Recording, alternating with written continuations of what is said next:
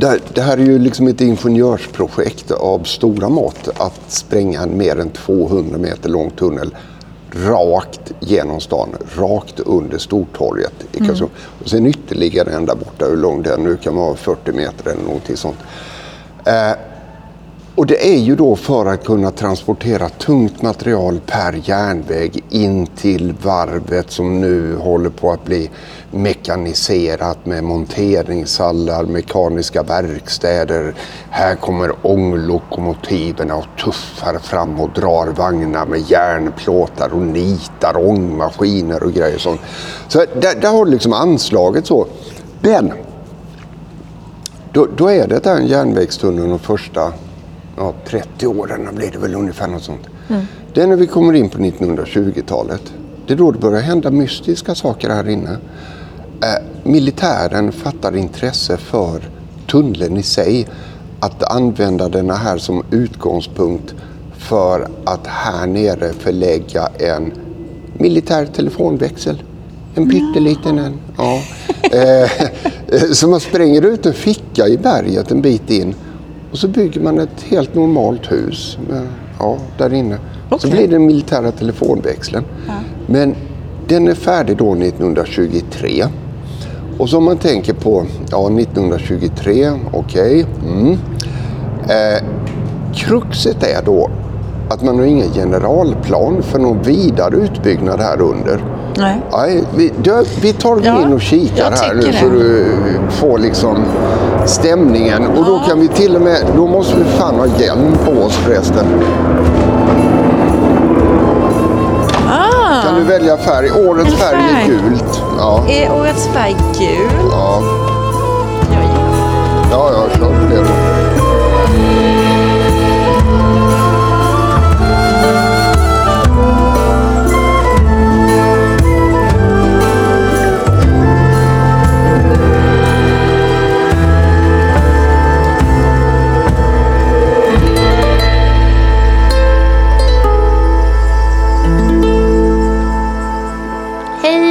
välkommen till ett nytt avsnitt i podden Arkeologi och historia sydost. Avsnittet som du ska få lyssna på idag spelades in tidigare i höstas. Oroligheterna i Gaza hade precis kablats ut över hela världen och sedan dess har det bara pågått. Varje nyhetssändning toppas av krig och NATO och sedan den senaste nyheten att det kan bli krig i Sverige. Jag vet inte vad du har för erfarenhet eller känslor kring det sistnämnda, att kriget kan komma. Men själv växte jag upp på 80-talet. Eh, kalla kriget eh, låg som en blöt filt över oss.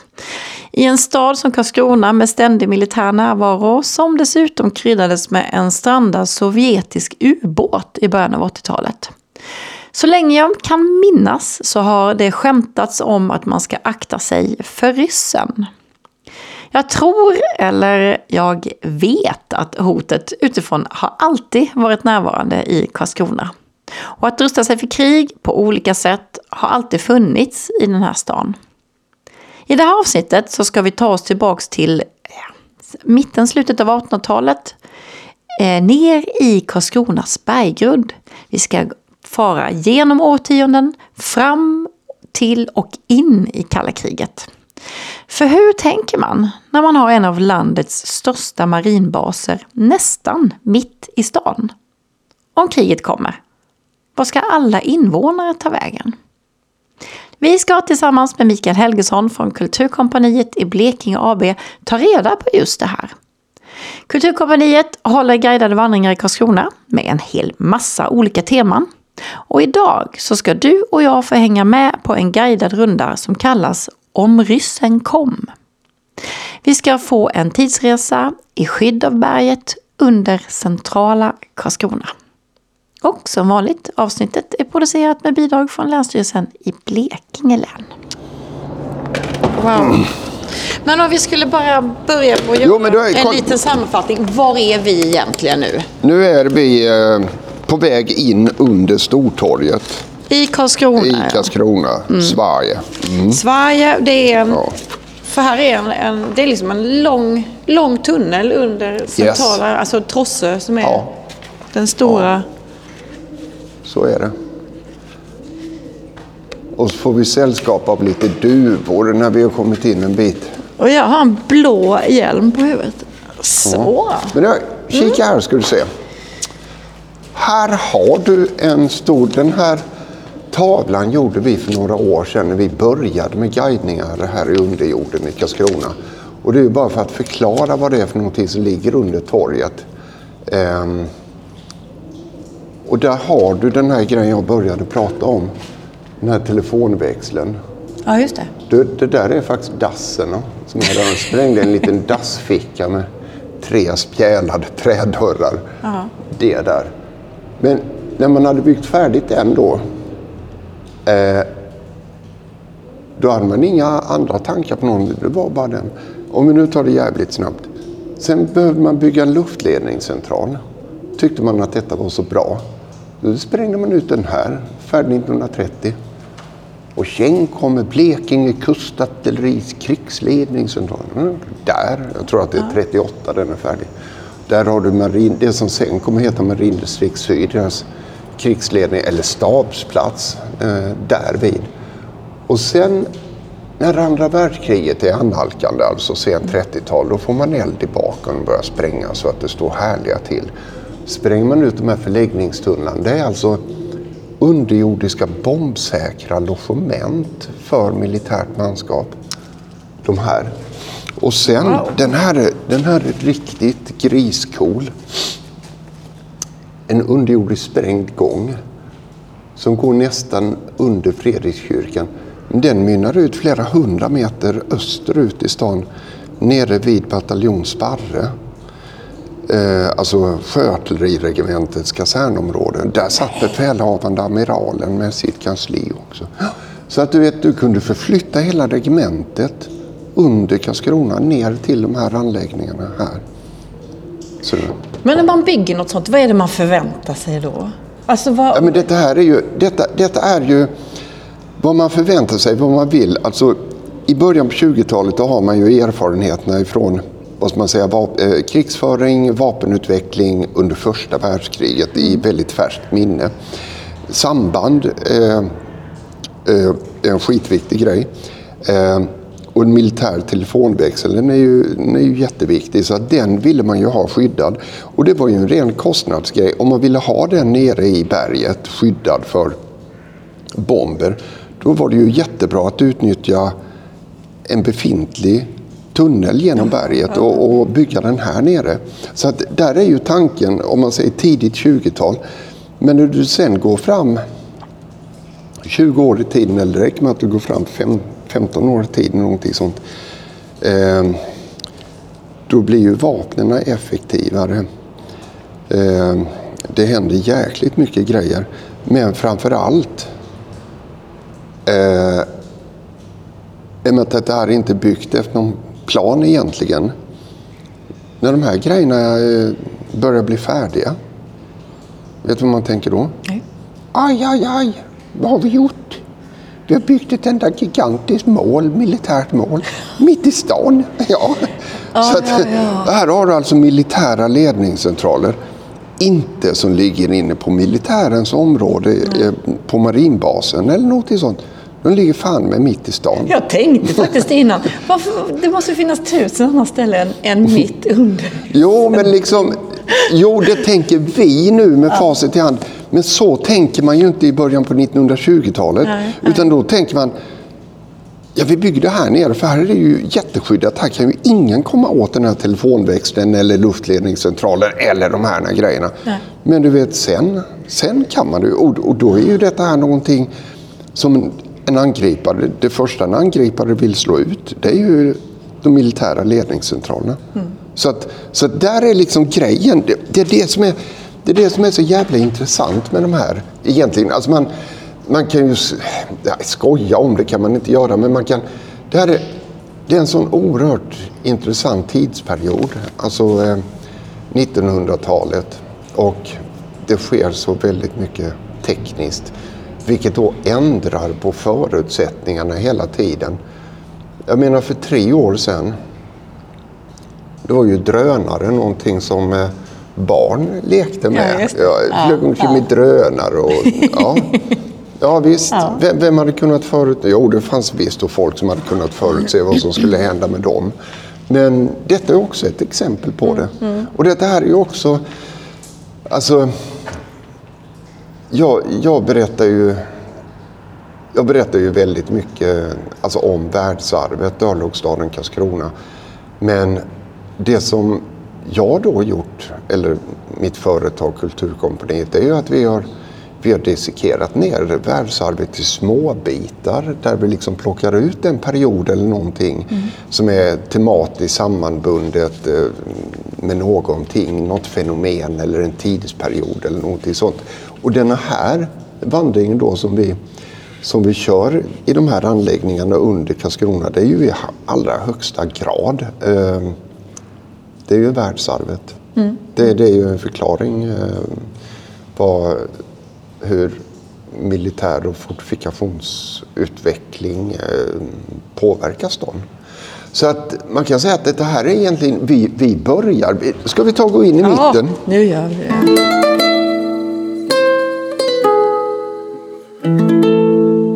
Ja, nu går vi i en lång, lång tunnel. Ja, den är med lång. råa bergsväggar och Jajamän. en liten julbelysning tänkte jag säga. Men Ja, den fanns faktiskt. Det är inte så många år som den har suttit uppe.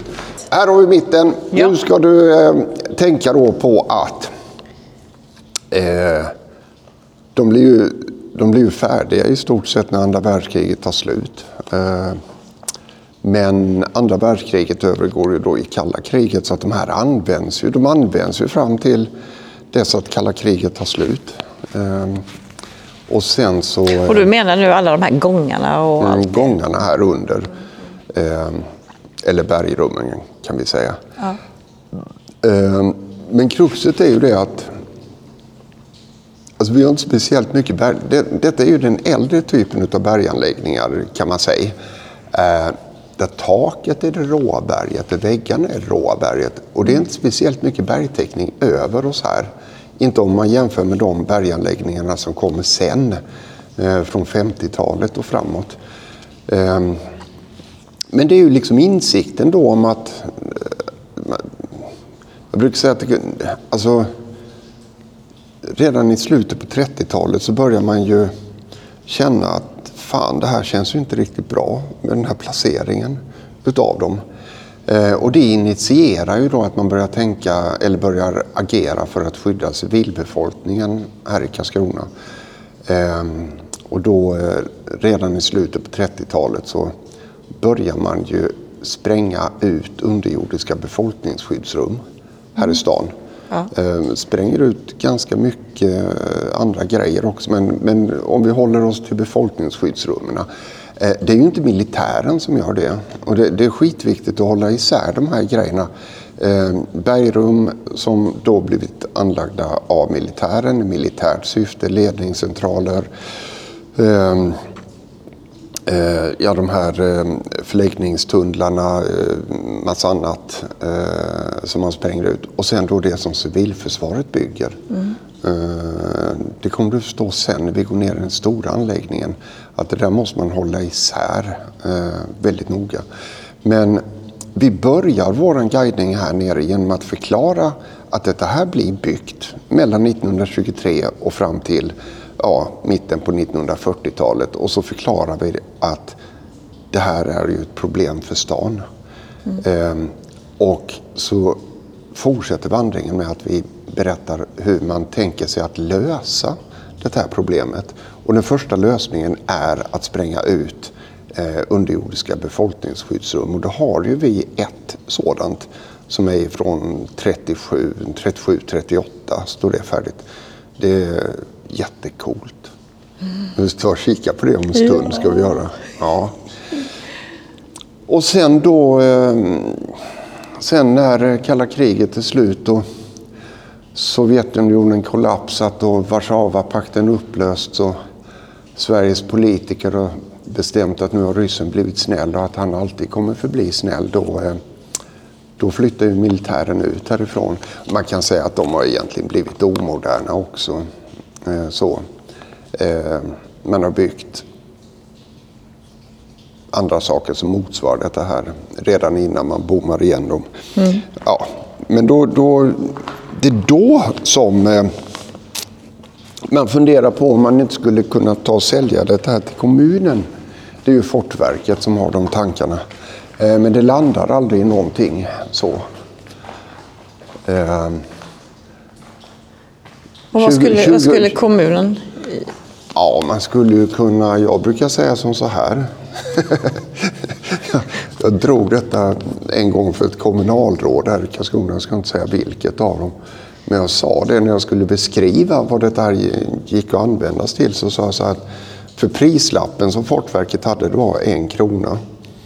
En krona så kan ni få köpa det sådär. Och så sa jag till kommunalrådet, du, vet du vad? Det här är ungefär som om kyrkofullmäktige i den italienska staden Pisa skulle kommit till Pisa kommun och sagt så här. Hörni, vi har ett gammalt klocktorn som står och lutar. Skulle Pisa kommun vilja köpa det för en krona? Det kanske går att använda i turistsammanhang. Nej, det går inte. ja, nej, men vi har ju som sagt haft ganska mycket besökare på våra vandringar så att eh, eh, jag är ju helt övertygad om att eh, visst hade det här blivit en, en eh, turistattraktion av stora mått. Och inte bara en attraktion så, utan det, liksom, det hade bidragit till att öka förståelsen för den här staden och mm. vad militär närvaro innebär. Och sen så, vilket jag förklarade för samma kommunalråd, det var ju att kommunen behöver ju inte ta i så att den kräks och köper alltihopa som är utan man kan ju börja med att köpa in en sektion. Alltså problemet är ju nödutgångarna i de ja. här. Ja. Och sen att det kostar jävligt mycket att underhålla dem också. Men, eh, men vem, vem är det som har detta nu då? Kommunen äger tunneln här. Eh, tunneln? tunneln och ja. de, de andra de, luftrummen, det är Gud? Eller? De, nej, men nästintill. Eh, Fortifikationsverket. ja. ja.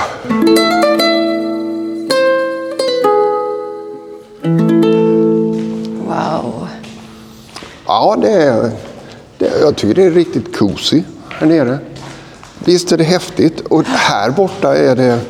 Denna, den här vyn gillar jag väldigt mycket. Vi ska faktiskt ta och gå ut här lite grann. Alltså att eh, många, många Karlskronabor de går ju dagligdags här på bron vid Prinsgatan och tittar ner i det här schaktet. Mm. Men att då göra tvärtom, att gå ner i schaktet och kika uppåt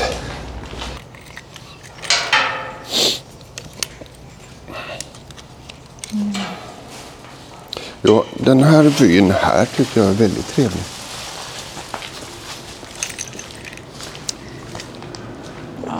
Det här kan man kalla hantverk. Oh. Titta de här fogarna, du får inte in ett kreditkort i dem. Ja. Visst är det häftigt? Ja. ja. Det är helt sanslöst. Ja. Tänk hur de har huggit ut. Och även när de är lite bågiga sådär så ja. följer nästa ja. Hjälp, ja. Det är annat än den stensättningen som är framför Scandic nere vid Fisktorget. Då har du fogar där du kan köra in hela näven. Wow! Ja, tänk så skickliga. Ja. Åh, vad fint. Mm. Nu har vi tunneln från andra hållet. Ja. Eller? Så vad står det? Full... Fullbordad under Oscar den andras 16 regeringsår. Ja, det bör ju bli då 1887. Eh, mm. Sen kom han hit, är det väl två år senare, för att inviga tunneln. Ja, Oskar II var en jävel på att inviga just järnvägslinjer och sånt. Han var skitduktig ja. på det var han. Yes. Men det,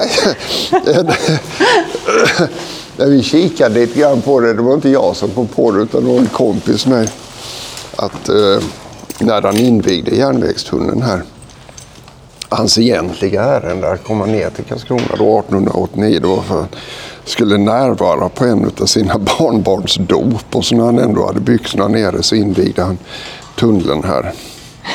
ja. Så kan det vara. Så, då lägger vi, lägger vi ner hjälmarna igen. Ja, så att nu ska jag... Nu tänkte jag ta dig med upp till torget. Ja. Så ska jag skoja till det lite grann. Jag ska testa hur pass klipsk du är. Uff, nej! Jo, Sånt där är inte du ska få en klurig fråga utav mig när vi kommer upp till torget. Mm.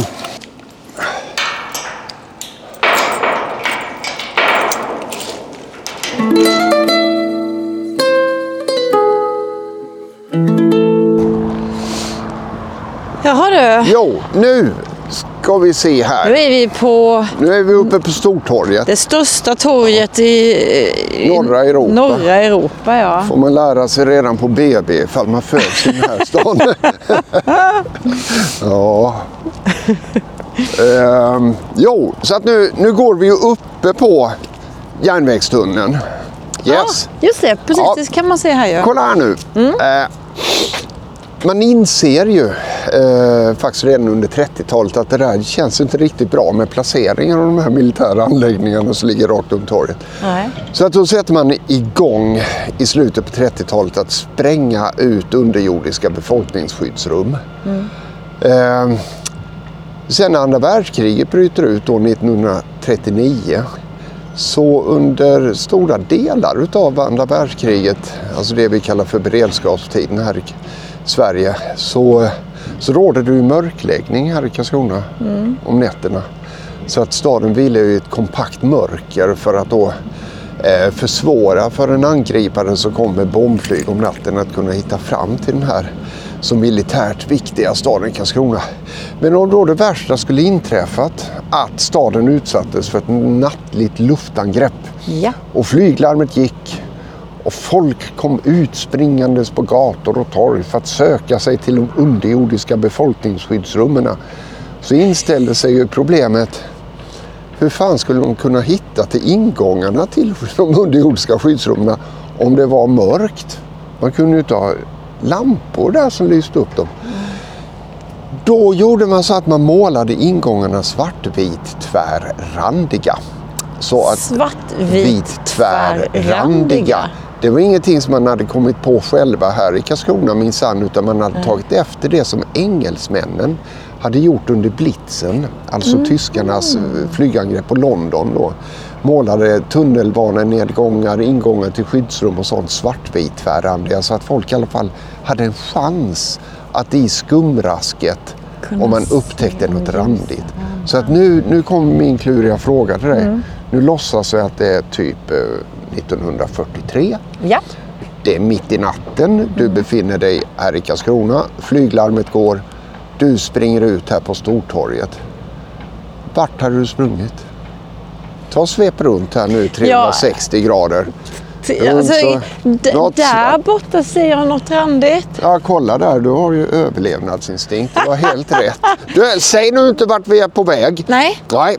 Ifall nu någon lyssnar på din, den här podden och tänker wow, det där måste vi gå. Då kan jag ju inte göra den här roliga grejen. Jag brukar ibland göra det med publiken att de ska få leta Du, jag har aldrig den. sett det förut. Har det, har det där alltid funnits? Ja, Fast det har varit buskar eller något väl? ja, ja, visst. Det var helt eh, överväxt eh, alltihopa. Så. För det, alltså på riktigt. Eh, Nu ser jag att de har fräst till eh, rabatter och alltihopa. Men jag, jag har inte sett det här förut. Och jag Nej, har men gått alltså här många gånger. nedgången, nedgången har ju legat här sedan eh, 1937 så kom den här nedgången till men den har varit mycket mer anonym och sen under lång tid så var den ju den låg ju nästan inbäddad i ett syrenbuskage. Sen, jag vet, nu, snart tio år sedan så fick vi tillgång till den här anläggningen och då var allting väldigt rostigt och då, så att vi började borsta det här med stålborste för att vi skulle måla det i grundfärg och sen tänkte vi målar alltihopa svart. När vi höll på att borsta så sa vi, fan det ser ut som det varit randigt. Och sen så gick vi in och tittade då i fotoarkiven nere på museet, letade efter bilder på detta här från beredskapstiden. Jo du, det var randigt. Så att, eh, så att då målade vi det i den färgen som det hade ursprungligen från början.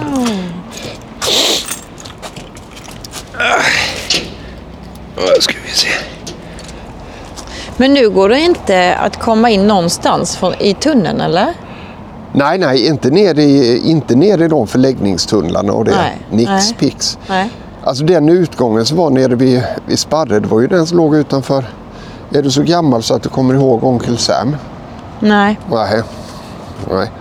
Ja, jag är så gammal. jag. Stans första hamburgerbar. Ja, den låg ju i, i eh, korsningen Drottninggatan, eh, Kyrkogatan. Där utanför Onkel Sam.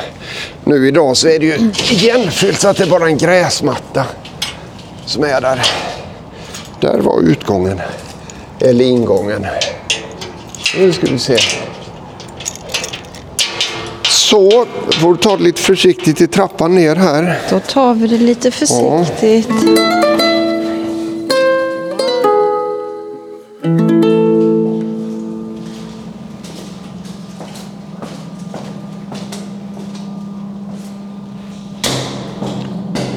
Här har du en bit av 1930-talets Karlskrona som är kvar. Ja. Där har jag aldrig varit. Ehm, jo, eh, vi kan se här.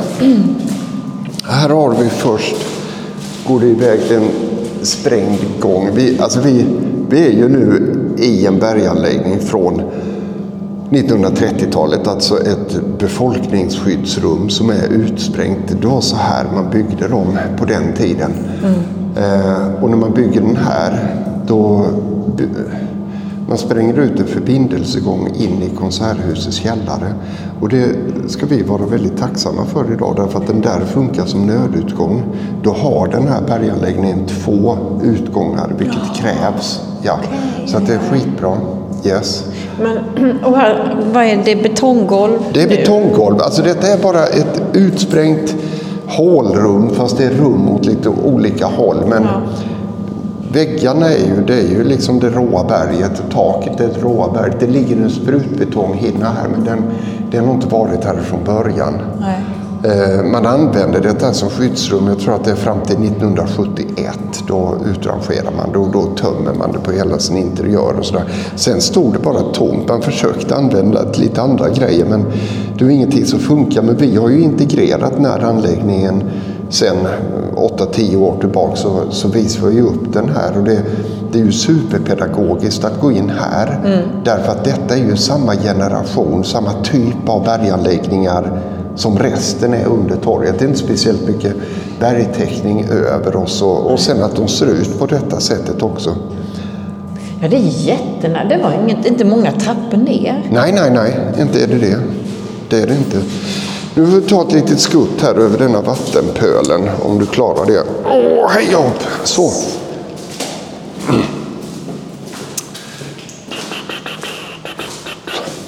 Så, så detta är ju då det sättet man tänker att vi måste skydda civilbefolkningen i Karlskrona också från flygangrepp. Eh, så man börjar spränga ut den här typen av befolkningsskyddsrum. Och det är på 30-talet som man gör det. Där har du huvudingången. Förresten, när vi kommer upp till markytan så ser man kan se en markering i trottoaren var huvudingången en gång fanns. Och så var det dubbla ståldörrar till alla tre ingångarna här nere. Nu är jag faktiskt på, på toaletten här. Här, här kan man se spåren, spåren efter tre murade väggar som bildade tre små bås och så var det trädörrar fram till. Eh, men inga, inga vattenklosetter utan det var sådana här skithustunnor som man hade här. Eh, Jag ska säga det att man tänkte sig att 125 människor skulle vistas här nere i detta utrymmet under pågående flygangrepp på stan. Men de skulle inte vistas här mer än max en timme tänkte man sig därför att i slutet på 30-talet så kalkylerade man med att ett, ett flygangrepp kunde inte pågå mer än max en timme. Sen skulle fienden få slut på sina bomber eller slut på bensinen och så skulle de flyga hem igen. Så det var liksom, ja men, ja men det var så man tänkte. Eh, så att dimensioneringen, befolkningsantalet här nere, det var dimensionerat efter den maxtiden. Och, och det hängde då ihop med att efter en timmes tid där nere med 125 människor, det är ju skitvarmt och det är jättedålig luft och allting sånt. Då hade man den här typen av luftpumpar, de kunde drivas för hand också. Då kunde man och veva, pumpa ner luft ifrån genom det här randiga röret upp vid ingången. Ja, så här har du 30-talet. Så tänkte man sig, så här skyddar vi civilbefolkningen. Men detta är ju en, och hur många sa du nu att det är 125 människor. 125? Hur, f- hur, finns det, hur många sådana här finns det? Idag finns det ju inte många. Nej, men då? Nej, då Alltså- ärligt talat vet jag inte det exakta antalet. Jag satt ute på kommunarkivet och, och, och, och räknade de här. Ehm, Men utav de som är den första generationen som jag känner till här inne. ehm, Du har ett på Björkholmen. Eh, Och sen så hade du under Möllebacken. eh, Lite större. Du hade en på Bredgatan. Men du vet fan. Eh, Du kommer förstå strax att man gick över på att bygga på ett helt annat sätt på de här. Så det blev ju inte supermånga av de här. Man kom på ett betydligt effektivare sätt att bygga sådana här skyddsrum efter ett litet tag. Ja. Då så Ja. ska vi upp, upp till verkligheten nu. Wow! Ja, Får man ta en bild ja, ja herregud. Jag ska bara ta. Allt, allt som vi visar upp på den här, det är ju, det är ju ingenting som är hemligt.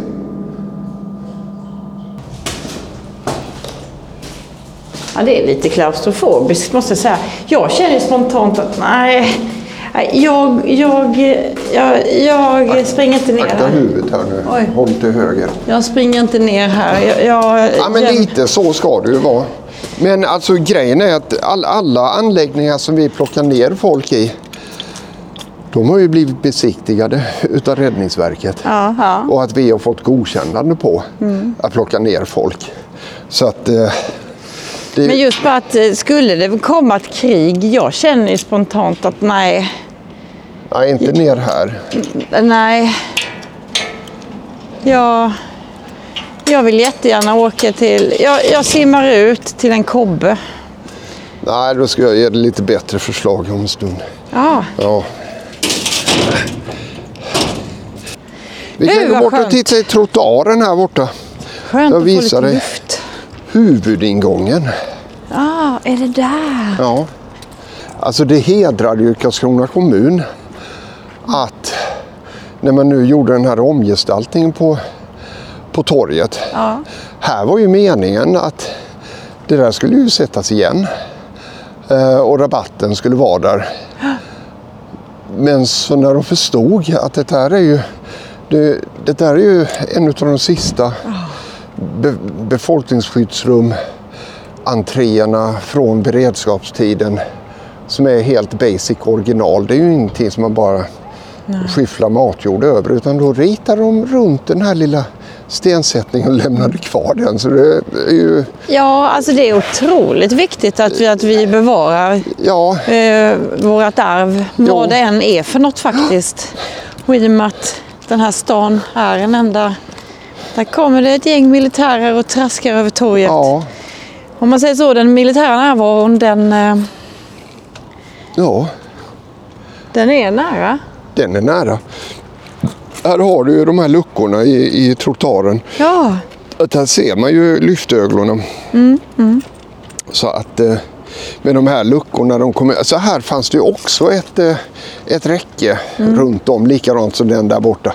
Och här fanns också en stolpe med, eh, som var randig. just det. Ja. Men egentligen orsaken till att man la dit de här luckorna då är att folk använde det här som en pissoar Ah, nattetid. De ska alltid fördärva så mycket. För. Ja, Men gud vad snyggt. Alltså det, det, det ser så coolt ut när man vet vad det är. Jag har aldrig vetat det. När du, alltså ska man, man kan ju se på det att ur en aspekt så där för att beskriva 1900-talets utveckling här i Karlskrona Ja. så är ju den där grejen en av de viktigaste sakerna Ja, uppe på. Stortorget. Ja, ja, ja. Ja. Ja. Ja, vad häftigt. Gud vad kul. Tack för att jag fick se den. Mm. Ja. Skitfräckt. Och så många gånger jag har passerat. Jag har aldrig tänkt på det förut någonsin. Nu ska vi betydligt djupare ner i berget, tänkte jag. Ehm. Men vi ska stanna till på ett ställe på Hantverkaregatan nu.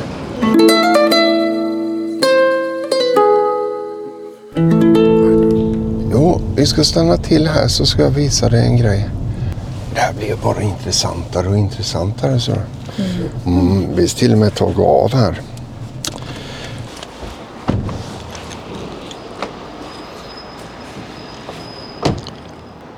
Jo, då har vi hamnat på Hantverkaregatan här. Här finns det på ett ställe en, en lite intressant vy sådär.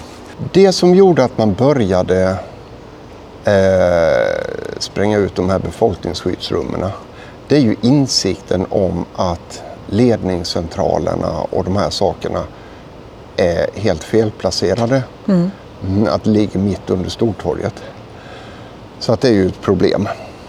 Sen när man tänker till ett varv extra, vilket man gör i början på 50-talet, då inser man att problemet är mycket, mycket större än det som är under torget.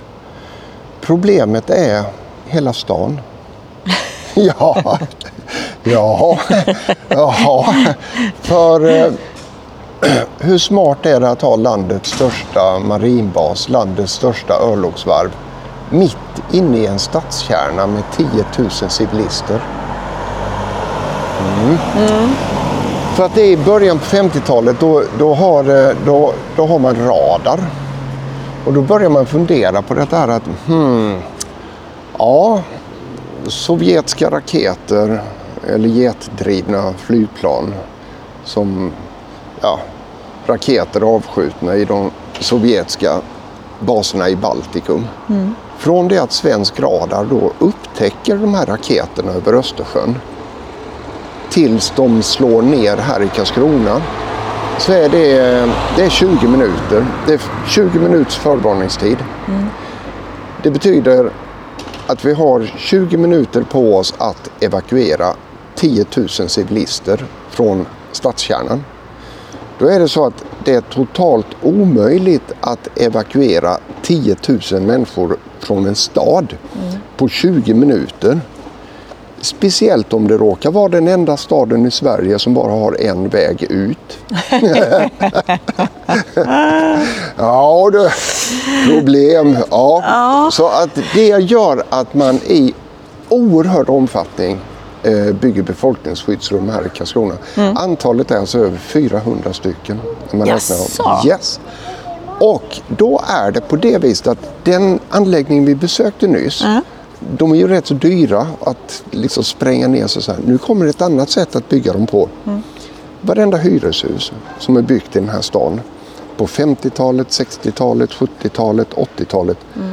De har ju källaren, källarvåningen från första början konstruerat det. som ett befolkningsskyddsrum med eh, tryckventiler, luftpumpar, ståldörrar. Och då blir det supervanligt med sådana där skyltar. Ja, där Där har du en sån. skylt. Där har du nästa skylt. Där är en till. Där har du nästa skylt. Här är en. Där ja. ja. Så att det blir många sådana skyltar. Och de, Wow. det, det är faktiskt någonting som vi, som vi brukar upplysa våran publik om att de sitter ju inte där för skojs skull utan Nej. de anger ju faktiskt var det finns ett befolkningsskyddsrum. Skulle man lägga ner befolkningsskyddsrummet, ja då plockar man ju bort den där skylten. Så att då vet man om att det finns. Så, så att det är ju, eh, där har du ytterligare hur utvecklingen sen liksom sätter jättefart. Och sen då dit vi ska nu. Då ska vi 30 meter ner i berget. Oj. Vi ska ner i den, det största, den största anläggningen som blir byggd här i Karlskrona. Den är då Eh, ligger 30 meter ner, eh, står färdig 1959. Den är byggd utifrån ett kärnvapentänk. Eh, dimensionerad för 6 000 människor. Wow! Wow! Vilket inte har ett skvatt att göra med hur många människor som får plats där.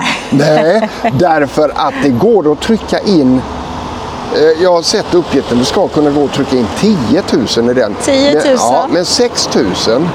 Det var så många som man räknade med skulle hinna dit 1959 när vi hade 20 minuters förvarningstid. Ja. Ja. Och vad förvarningstiden är idag, det ska jag inte berätta för dig för då kan du inte sova i natt. Men Nej. den är lite kortare. Den är lite Ja, kortare. lite det har kortare. jag också.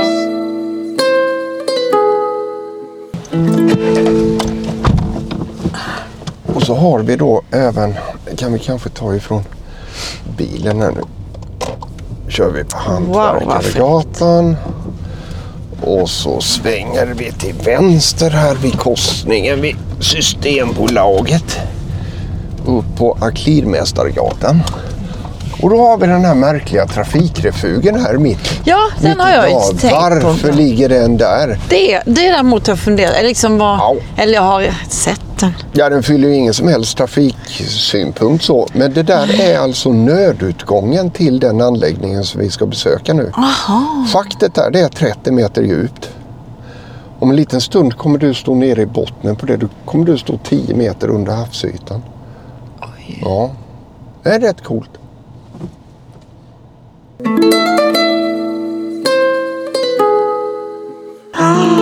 Wow! Ja, här har du wow. Är det här, alltså ska. Detta är ingången. Detta är som en motorväg ner i urberget. Och sen så... Jag trodde detta var liksom ett Nej, garage. men du, kolla här nu. Ja. Det går en till väg ner. Om du tittar här. Här har du en övre ingång. Jaha. Så ingången är i två våningsplan. Aj. Här har du en med. Här är det många, många medelålders och äldre Karlskronabor som har gått in. Därför den här anläggningen användes ju som ungdomsgård. Nej. Jo, jo för fan. Detta här, är, här nere kunde du ha eh, 600 Blekingeungdomar på disco. Alltså när man ändå... det, detta Har de, är- alltså menar du, har, Ja, det varit jajamensan. Alltså, när man ändå hade byggt en så här pass stor anläggning. Den här står Ja. färdig 59.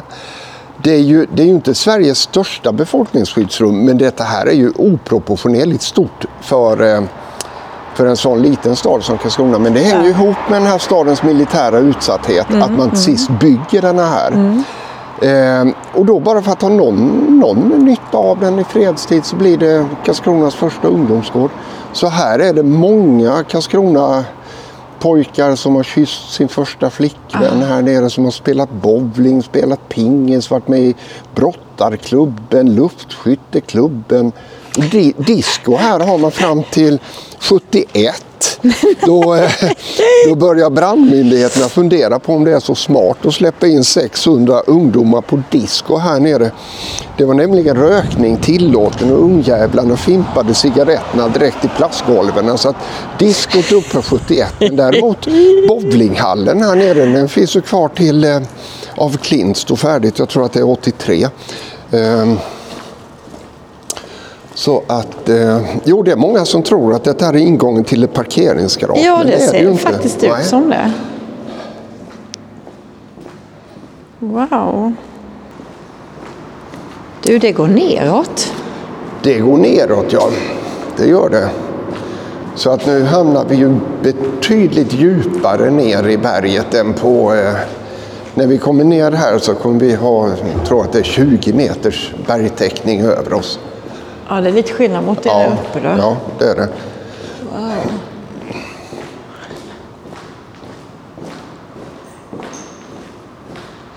Och om, det nu, om, om nu ryssen kommer, Ja, då är, då är detta här ett bra ställe att vara på. hit. Och För liksom- detta, detta är ju inget museiföremål som vi går ner i nu utan detta Nej, är ju nej. ett aktivt befolkningsskyddsrum. Det har ju blivit moderniserat och Men liksom finns det liksom så att det finns stora kök och att man kan tillaga? eller liksom vad... för här kan man inte laga någon mat alls. Aldrig, Ingen mat. aldrig kunnat. Alla- aldrig funnits några matförråd. Ingenting här. Och det kan jag ju förklara för dig varför. Ehm, Den här anläggningen ska bara användas under 24 timmar. Okej. Och vet varför? Nej. Ja, man kan ju uttrycka det så här. Om du har släppt en atombomb på ett ställe så behöver du inte släppa en till. Det räcker med en. Yes. Och det har ju folk klarat sig ifrån här nere. Och då finns det ingen anledning att sitta kvar här och kuckelura mer. Utan då ska man ut härifrån efter 24 timmar. Yes. Eh, den här är byggd på ett sätt som det är en teknik som kommer då på 50-talet. Och det är, ju, det är ju alla typer av berganläggningar kan man säga. Eller inte alla, men det är eh, de som ska motsvara den tidens krav. När vi är inne i kärnvapentidsåldern, då är det ju att man eh, spränger en ingångstunnel snett ner i berget. Så när man har kommit tillräckligt djupt stannar man. Backar man en liten bit, spränger man sig ut åt sidan. Och sen spränger du ut ett hålrum inne i berget. I botten på det hålrummet lägger du en bädd av makadam. Sen gjuter du en kraftig armerad betongsula uppe på makadambädden. Men den betongsulan, den är inte gjuten ut till bergkanten. Utan du spar en och en halv meter runt hela betongsulan. Så du har en och en halv meters distans in till berget. Sen byggs hela anläggningen uppe på betongsulan. Så att när den är färdig så har berganläggningen ingen kontakt med berget, varken neråt eller åt sidorna eller uppåt. Den här vilar på en makadambädd. Det du ser här vid, det är ingen som helst bärande funktion, det som är gjutet mot berget här. Det är när du kommer in i det så står den fritt i ett konstgjort hålrum. Och det är därför att, nu snackar vi kärnvapen, alltså detonationer som orsakar skakningar i berget. De skakningarna kan inte fortplanta sig in i den här. Så att både civilförsvarsanläggningar och militära anläggningar övergår till den här tekniken. Sen finns det ännu mer avancerade former. Där har du enkla svaret på varför man aldrig kommer att använda anläggningarna under, under torget mer. Nej, De är ju helt det. obsoleta. Så. Det är inte så kul om det börjar skaka i berget och det kommer ner stenbumlingar i skallen på det. Så. Yes. Sen är det en massa andra viktiga grejer också med tryckventiler och med mm, tjockleken på ståldörrar och luftpumpar och allting sånt. Mm. Så att det handlar ju inte bara om att vara nere i berget. Det är ju även den tekniska utrustningen måste ju motsvara krav som eh, ja, funkar sådär. Mm. Yes, så att eh, ja, så är det. Eh, ska vi ta och gå in? Ja, ja, ja, ja. Det, att det vidgar sig här nere på detta sättet. Det är en grej, det är detta här att om, om det skulle ske en kraftig detonation precis vid ingången till tunneln ner. Om det går in en stötvåg ifrån en kraftig explosion. Om en sån stötvåg går in i en tunnel som sen bara slutar tvärt så har den stötvågen en oerhörd kraft när den slår i bottnen. Så att det är därför det vidgas här nere. Det blir mer rymd och då fungerar det som en stötvågsdämpare. Det är också av samma anledning som man aldrig bygger ingångarna rakt fram. Utan att de ligger en bit från sidan. Just så att var, varje dörrblad där väger över ett ton stycket. ja. Ja. Här får man nu ska förklara. Vi har gått ner för en, En ramp. lång Lång. ramp ner. Och sen kommer man ner och så liksom bara öppnar det upp sig som en sal. ja. Så. Men vi har ju ännu inte kommit in i anläggningen. Nej, och det Nej. har ju inte knappt jag fattat. Nej. Så att här är som en sal. Öppet och stort och lyftigt. Men inte jättestort. Nej. Eller ja, det är nog ett Nej, det behöver inte vara större än så här. Egentligen så att det ska kunna gå att vända en mindre buss. Eh, Ja. Ja.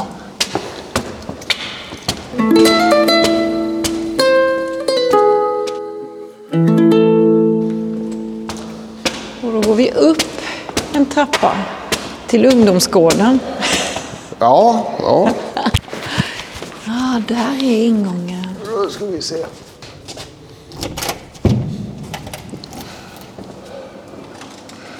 Så. Här är det lite, lite retrokänsla. Här är lite 50-tal. Nu, nu blir det retro här ja. Nu är vi inne i 50-talet. Fast det, det var en annan färg här från början. Ja, så, så att nu har vi kommit in i en sluss som är mellan stötvågsgränsen, som är de här kraftiga dörrarna där. Ja. Och så har du gasgränsen därvid. Där är en gasgräns.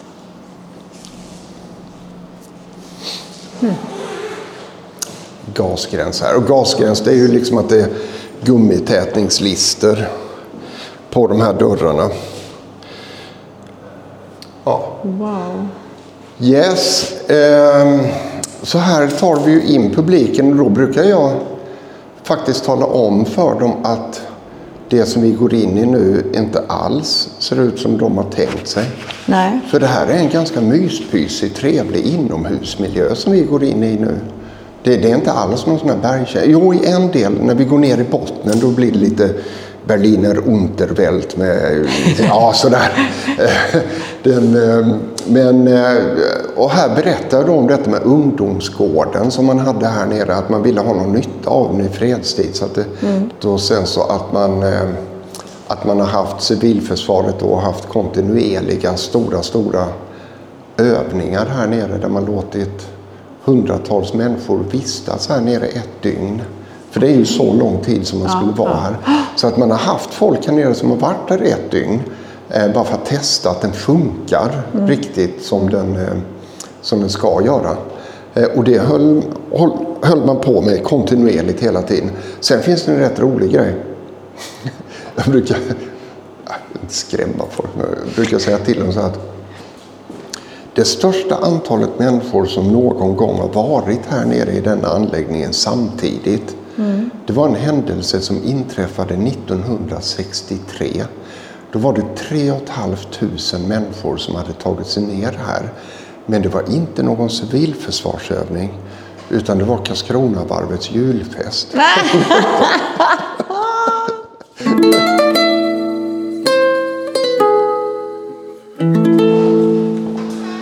Alltså detta, detta är retro så det förslår. Ja, gud. Det är så häftigt. Ja, här är det jag säger, sån där plastgolv. Ja, Men eh, ja, en grön ton på väggarna. Lite... ja alltså nej, det, det här är ju någon understimulerad AMS-arbetare som har målat de här grejerna ja, eh, det- på 80-talet. Så Men att- gud ja! Alltså hur ska man förklara det här? Ja, alltså jag brukar, vi brukar ta fram denna här. Eh, som är ritningen över övre våningsplanet så att vi har den här som utgångspunkt. Och förklara det då formen på den här. De här skeppen är ju liksom helt tomma eh, invändigt ursprungligen. Nu är det uthyrt som eh, magasin eh, och sånt där. Eh, men sen att man här då ser att det är en och en halv meters distans in till berget. Så att det är ju precisionssprängt. Och så att anläggningen är byggd i två våningsplan som är identiskt likadana, nästan. Eh, och bergtäckningen ovanför, att det är mellan 20-25 meters berg. Så. Men bara för att eh, spännvidden på berget ovanför inte ska bli för stor och, och mm, försvaga hållbarheten så har man fan med låtit bli att spränga i mitten. Så att det är en Ja, kvarstående... innanför här. Ja, innanför För vi står här. så att det går som, det går runt här ju. Ja, precis. Rund. Så att det är en naturlig kvarstående stenpelare som går genom bägge våningsplanen och som hjälper till att hålla uppe berget ovanför. Wow! Ja. Och här nu har man byggt, jag brukar skoja till det lite grann när det är äldre Karlskronabor som är med på våra vandringar. De, de brukar alltid säga så här att Oh, här har vi varit så många gånger, vi kan allt om den här. Sen när vi går ut härifrån så brukar ju de säga Oh, det hade vi ingen aning om. Och sen då om de inte riktigt kan orientera sig här nere Eh, så brukar jag säga till dem att det beror inte bara på att de kanske hade lite för mycket innanför västen när de var här sist, utan det beror på att man har flyttat en del innerväggar. Så att denna väggen fanns inte här från början, Nej. utan här var det öppet och här låg bowlinghallen. Aha. Ja. Men du kan ju själv tänka dig här nere en, eh, fredag eller ja, lördag ja, med, ja, med ja. disco och eh, här var liv och cool face. Nu är vi så bort till det absolut mest spännande stället här. Nu går vi en, eh, in i en gång. Nu är det en gång. Dekorationer på väggarna här. Och så kommer vi in i ett utrymme. Eh, Så. Nu ska jag visa någonting som jag inte brukar visa. Lovar du att inte ramla ut? Jag ramlar inte. Så här ser du liksom distansen in till berget. Ah, Och Coolt. du ser liksom hela grottan som är utsprängd här.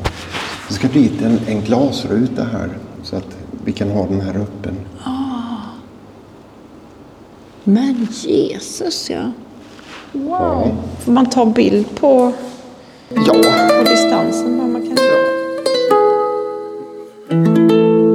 så, så ska vi ta och...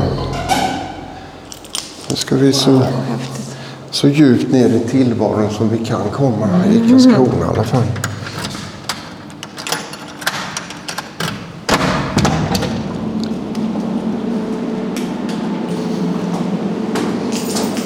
Jag, bara låter det vara öppet där. Ja, du kan låta det vara öppet. Jaha. Här ser du samma grej igen, för nu kommer vi ut i det här schaktet eh, som är 30 meter djupt. Eh, och då är ju, det är ju nödutgången till anläggningen. Så då har du återigen denna här kraftiga grejen som utgör stö, stötvågsgränsen. Och så har du gasskyddet där inne med den ståldörren med gummitätning på. Och sen, sen kommer ju den fristående delen, eh, alltså innanför. Yes. Och så går vi neråt. Kan vi ta. ska vi se. Vi kan ta oss. Så. Så hör folk vad jag säger. Så Och du också. vi. Ja, nu är vi ute i, i berget tänkte jag säga. Ja, här nere har du då utgången ifrån det undre våningsplanet. Ser den likadan ut då? Det ser likadant ut, i det, nästan. Ja. Så, nu kommer du inte djupare ner under Karlskrona än så här. Så att du står, du står nu 10 meter under havsytan.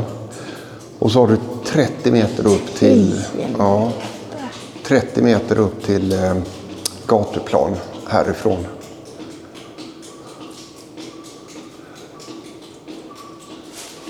Det, det, ja, ta, kika uppåt där.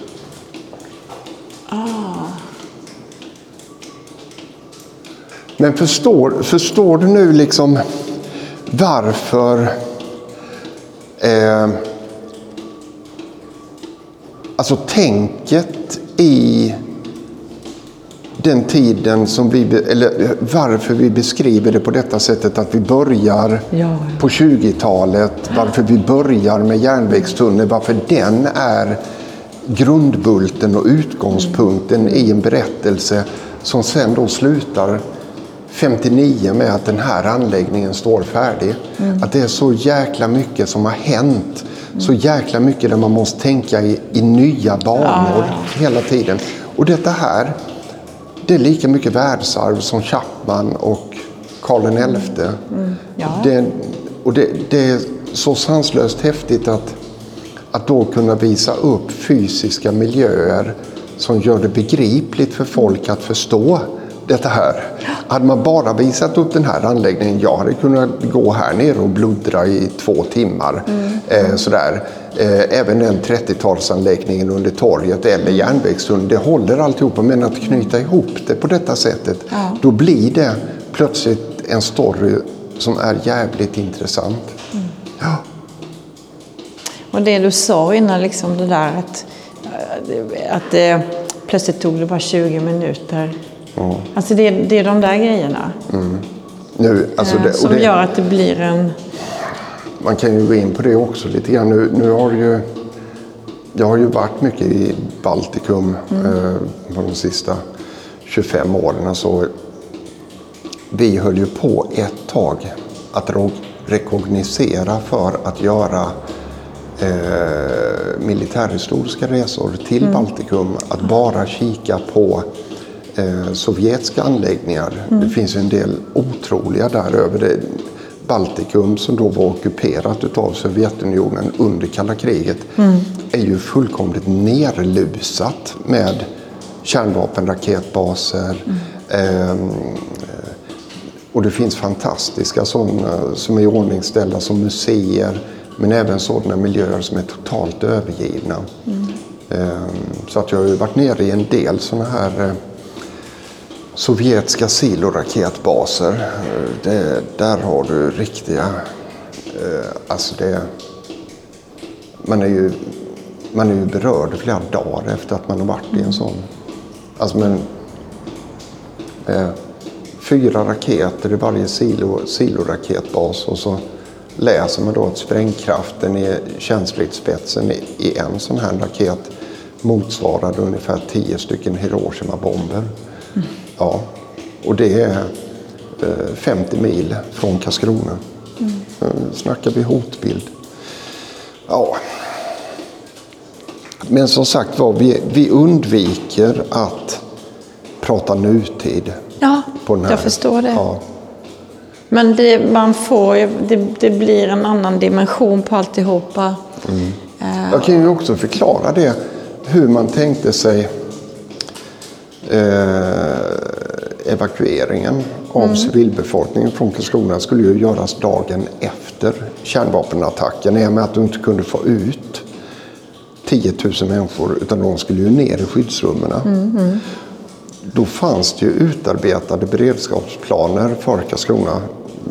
Djävulusiskt detaljerat var saker och ting. Att då tänkte man sig att vid en kärnvapenattack på den här stan skulle man ju köra med bussar från omkringliggande orter till stora uppsamlingsplatser i de norra Rödebyskogarna. Och sen skulle man dagen efter köra in med de här bussarna till Trosse. Och med hjälp av bulldozer schakta fri väg till ingångarna till befolkningsskyddsrummen. Och sen skulle man med hjälp av de här bussarna bussa ut ja, tekniskt sett 10 000 människor från stadskärnan. Eh, och då brukar min spontana invändning var när jag fick reda på eh, hur tänket var så sa jag att "Ja, men fan, det kan ju inte funka. Dagen efter då är ju allting är radioaktivt uppe i markytan. Men då hade man räknat ut att jo då, miljön var kontaminerad med radiak. Men att det var inte värre än att en människa klarade av att sitta ombord på en buss under 10 minuters färd ut ur stan. Så att, sen brukar jag lägga till att man får inte glömma, eller man fick inte glömma byta busschaufför så att det inte var samma som körde fram och tillbaka. Det, det, det var inte hälsosamt för honom. Så, ja. ja, fy fan.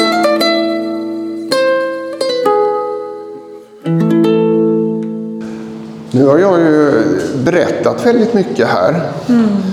Tänk om jag har berättat så mycket så att publiken tänker "Nej, men nu vet vi allt om den. Varför ska vi gå någon stadsvandring med Kulturkompaniet? Vet- vet vad jag Så hörde? därför, vet vad jag ska göra nu? Nej. Nu ska jag släppa Slå ihjäl dig. Nej, jag ska... ja, just det. Nej, nu ska, jag, nu ska jag släppa en sån här cliffhanger. eh, Ja, en liten grej här. Ja. Då ska vi gå bort här och kika lite grann. Mm. Då är det så att här har du två stycken ritningar som visar undre våningsplanet och övre våningsplanet. De är identiska vid första påseendet. Men det finns en grej. Det är den där. Där har du från undre våningsplanet en tunnel som är sprängd rakt in. Den går liksom ända upp till taket om ritningen hade visat. Nej, 180 meter kom man på den tunneln. Därför att det som man sätter igång att bygga här nere från första början, om man har sett originalritningarna, det visar en anläggning som skulle bli fem gånger så stor som denna. Man är alltså i färd med att bygga en av Europas största underjordiska berganläggningar. Men efter 180 meter på ingångstunneln så la man av. Jag ska inte avslöja varför och jag ska inte avslöja vad det var man hade satt igång att bygga. Mm. Ja.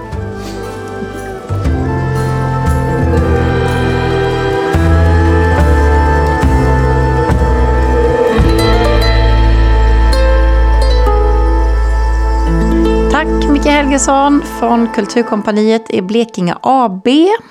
Och jag måste nog säga att jag är lite, lite nyfiken på vad det där, de där 180 meter långa gången. Jag fick faktiskt inte veta svaret på Mikaels cliffhanger. Blir du sugen på att se skyddsrummen så kan du gå in på Kulturkompaniets hemsida kulturkompaniet.eu så ser du vilka stadsvandringar du kan välja mellan. Du eh, hittar också länken i texten under det här avsnittet. Och det här avsnittet det produceras med bidrag från Länsstyrelsen i Blekinge län. Vill du se bilder från Karlskronas underjord så hittar du det på poddens hemsida arkeologi och historia.se. Och eh, så går du in under avsnittet om ryssen kom så hittar du det där. Eller så ligger det bilder och film på poddens Instagram. Arkeologi och historia heter vi där. I nästa avsnitt så ska vi stanna kvar i Blekinge. Och jag ska bjuda på något helt annat. Återigen har jag varit på Blekingarkivet i Bräkne-Hoby. Där jag hittade några brev från en mor till en son. Ett fantastiskt tidsdokument från mellankrigstidens skogsbygd i Blekinge. Men mer om det nästa gång. Och jag som har varit med dig heter Lena König. Tack för att du har lyssnat.